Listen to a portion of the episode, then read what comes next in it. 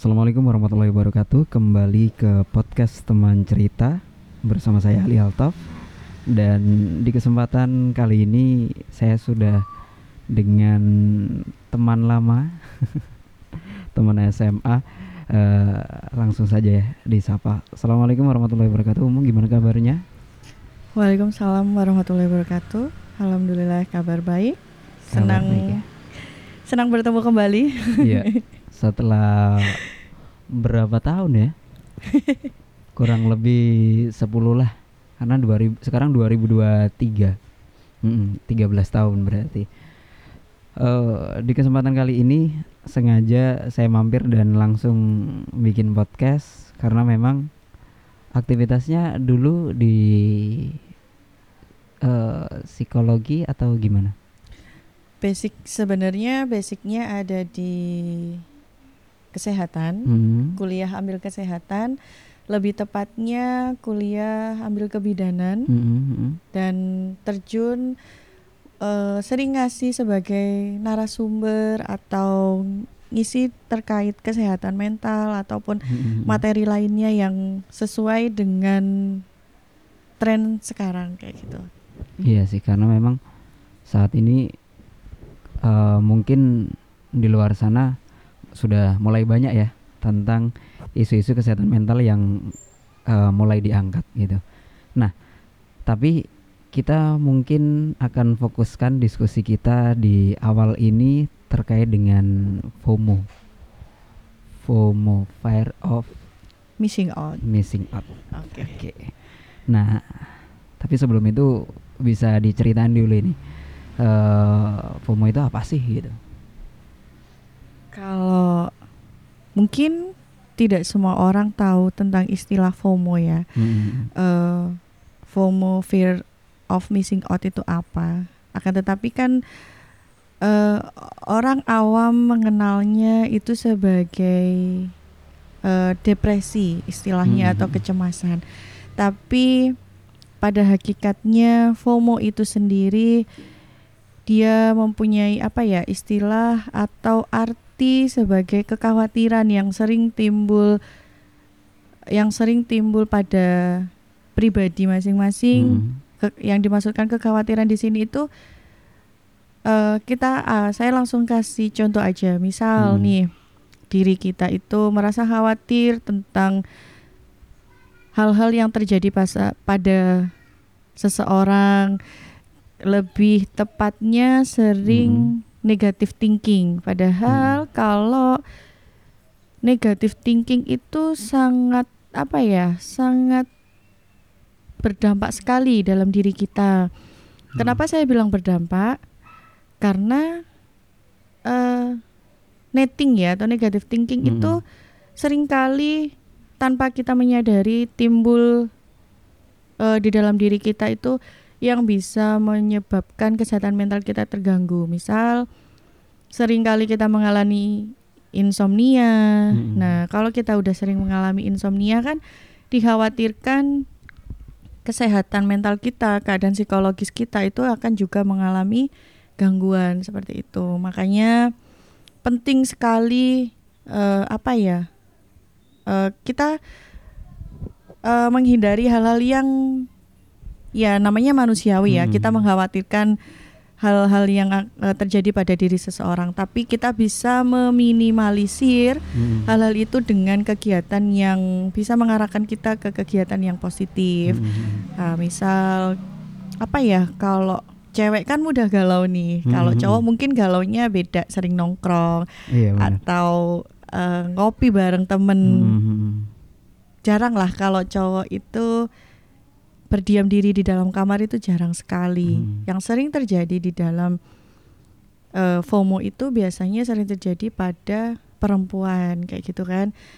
Kenapa saya bilang eh, apa ya istilahnya perempuan? Bia kalau pada laki-laki biasanya orang-orang introvert itu eh dia akan mudah untuk fight gitu loh. Tapi kalau Hmm. untuk di perempuan introvert itu beda kan ya dari segi apa pun juga antara laki-laki juga berbeda gitu Hmm. kan.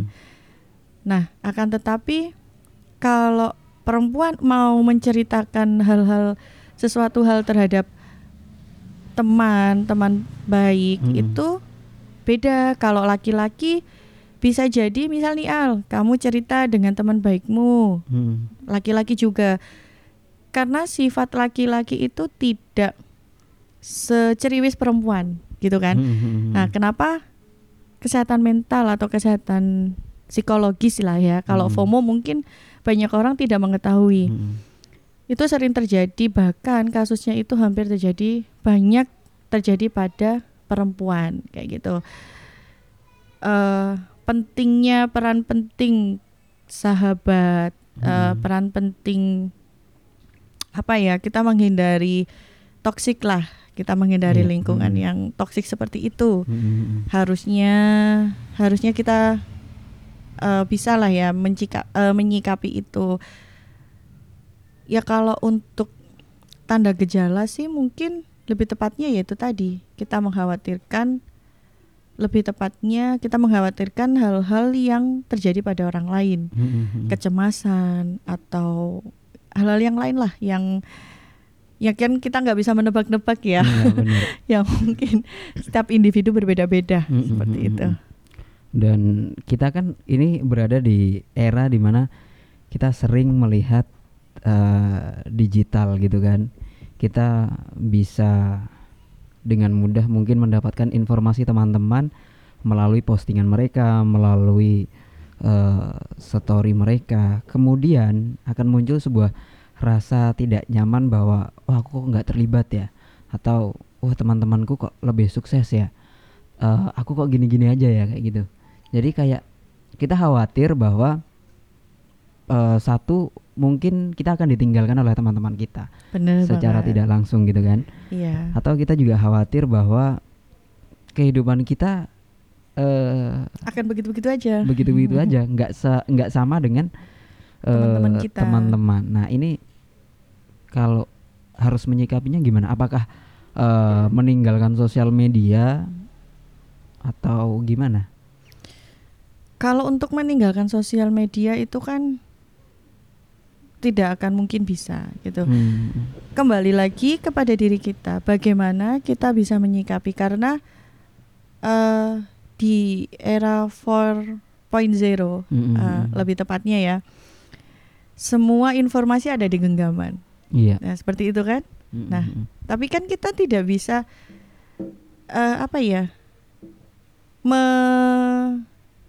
apa ya? men- menyikapi itu dengan sesuatu hal yang buruk. hmm, hmm, Nah, kembali lagi kepada diri kita harus eh, sering sering kita meng, apa berkumpul dengan orang-orang yang membawa vibes yang positif dalam diri kita kayak gitu. Misal nih eh, circle ada yang salah dengan circle pertemanan kita Hmm. atau kita mu- eh, terlalu nyaman di zona tersebut. Ya kita harus bisa fight untuk move kayak gitu Hmm, hmm, hmm. mana sih eh, ke depan yang bisa memperbaiki diri saya. Kalau saya hanya stuck di sini saja, Hmm, saya tidak akan bisa berkembang seperti itu. Kalau untuk meninggalkan sosial media sih tidak mungkin, tergantung bagaimana kita bisa menyikapi lebih Iya. tepatnya. Kita istilahnya kayak eh, menentukan gitu ya respon kita ketika melihat eh, mungkin teman-teman kita itu sedang berada di satu lokasi dan walaupun kita tidak terlibat di dalamnya eh menganggap bahwa ya memang kesempatannya mungkin berbeda atau momennya juga mungkin berbeda kayak gitu mungkin ya. Atau ya yang sering nih bahkan terjadi pada saya sendiri juga kadang membedakan gitu loh apalagi dengan teman-teman yang hmm, mereka tampak seperti baik-baik saja gitu. Tampak seperti ceria dengan mungkin keluarga yang cukup keluarga yang eh, semuanya ada gitu kan. Belum lagi ketika mereka nanti mungkin makan di sebuah restoran atau tamasya dan lain-lain yang kita otomatis saya pribadi akan membandingkan dengan diri saya yang setiap harinya hanya rebahan memikirkan tentang ya kok saya seperti ini ya eh kok nggak seberuntung teman-teman akhirnya perbandingan perbandingan kayak gitu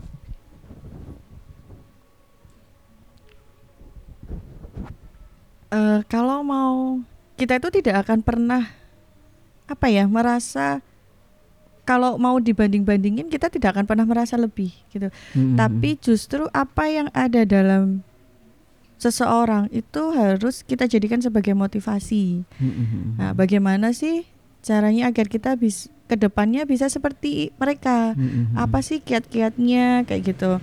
Jangan ya itu tadi eh, yang sudah saya paparkan tadi yang sudah saya jelaskan bahwasanya FOMO itu memang harus kita hindari kayak gitu. Mm-mm. FOMO itu eh, bahaya nggak sih sebenarnya? Karena memang FOMO itu bahaya. Mm-mm. Kalau misal kita tidak bisa eh, memanage diri kita, mengendalikan diri kita seperti itu. dan pastinya ini akan menjadi cikal bakal untuk masalah-masalah kesehatan lainnya gitu kan ya.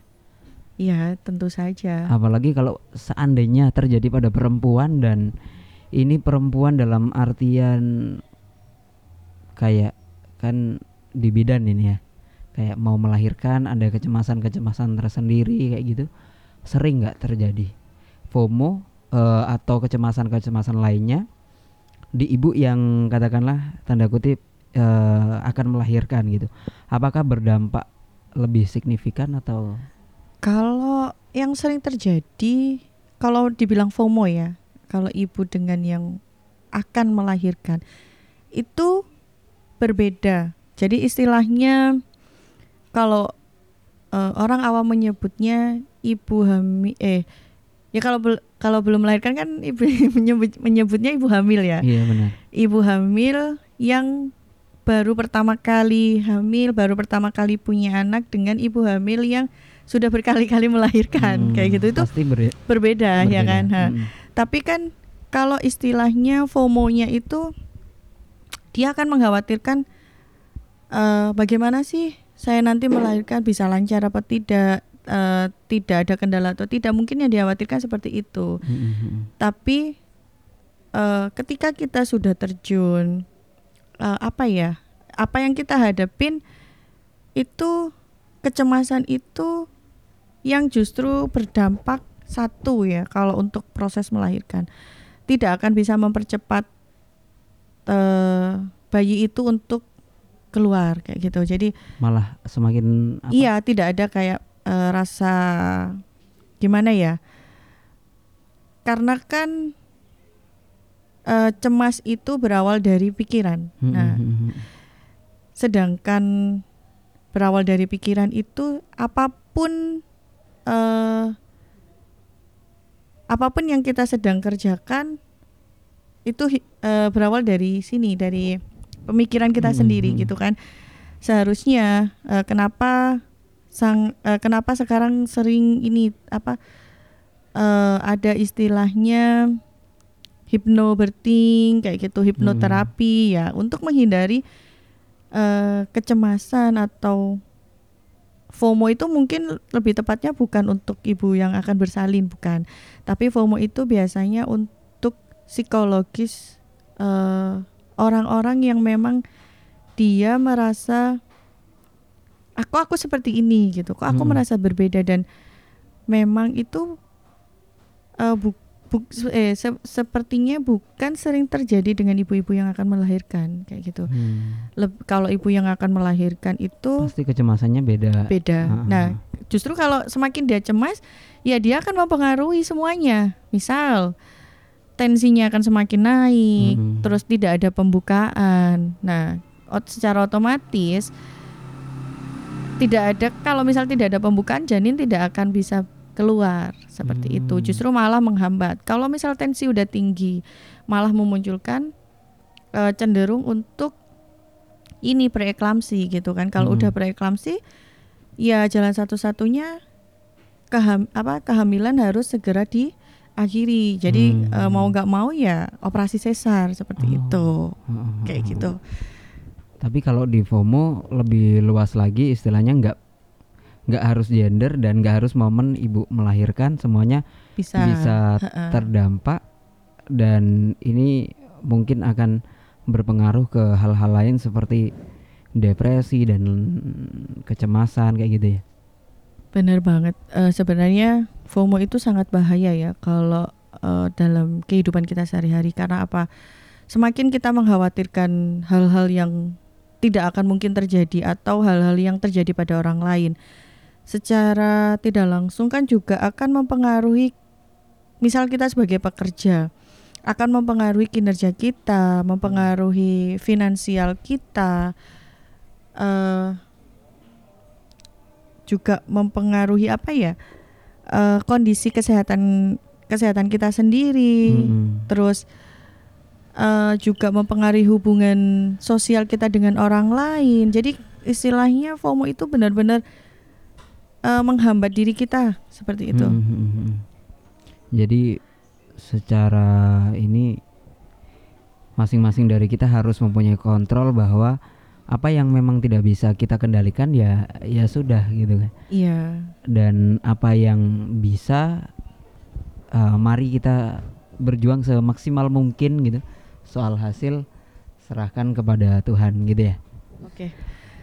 Uh, eh, kalau caranya kita nih Al bisa uh, kalau mau membedakan apa ya orang ciri-ciri ciri-cirinya orang yang terkena FOMO mm. nah itu apa sih kayak gitu kan mm. iya nggak apa-apa uh, yang kalau kita bisa menget kalau kita bis ingin mengetahui lebih dalam lagi itu biasanya oh, uh, seseorang yang menghabiskan banyak waktunya untuk bermain gadget kayak hmm. gitu kan. Hmm, hmm. Kan ada nih yang istilahnya sekarang istilah trennya itu Mobile Legend. Hmm. hmm, hmm. Terus ada itu yang judi online itu apa sih? Kripto kayak gitu. Oh, kalau kripto kan dia bermain saham ya. Uh, bukan. Ada sih itu yang permainan apa oh. sih? Jadi terus-terusan kayak uh, ya kita megang HP terus gitu ya. Ya kayak gitu terus. Hmm. Dia itu lebih mementingkan sosial media daripada kehidupan nyata. Jadi yang itu hmm. tadi kan dia mengkhawatirkan hal-hal kepada orang lain yang sudah terjadi sedangkan hmm. dengan dirinya kan belum terjadi hmm. kayak gitu. Uh, dia juga rela melakukan segala macam cara untuk hmm. memperoleh apa ya? Uh, memperoleh informasi yang lebih kayak gitu hmm. karena kan orang-orang yang FEMO itu lebih istilahnya lebih kepo. Hmm. Kenapa sih kok seperti itu? Kenapa sih bisa terjadi kayak hmm. gini kayak gitu. Jadi uh, dia itu kan rasa ingin tahunya itu lebih tinggi. Hmm. hmm, hmm. Kayak gitu. Jadi apa ya? Uh, kalau kita sebagai teman tahu uh, teman kita dengan keadaan yang seperti itu, sebaiknya kita hanya sebatas mengingatkan hmm. kayak gitu. Kalau misalnya dia diingatkan uh, bisa, ya alhamdulillah kita ajak hmm. untuk kegiatan yang positif. Ya, mungkin ada lagi kayak kalau di ya otomatis secara langsung sosial media gitu kan ya, ya yang lagi. sering terjadi karena di zaman dulu rasanya kayak nyaman-nyaman aja gitu. Kita nggak pakai sosial media mungkin dulu pakainya cuma SMS atau uh, telepon dan mungkin hanya beberapa gitu kan. Hanya beberapa teman. Sekarang muncul sosial media. Kita berteman dengan banyak orang perbandingan juga semakin banyak nggak hanya Betul. membandingkan dengan teman-teman dekat gitu kan.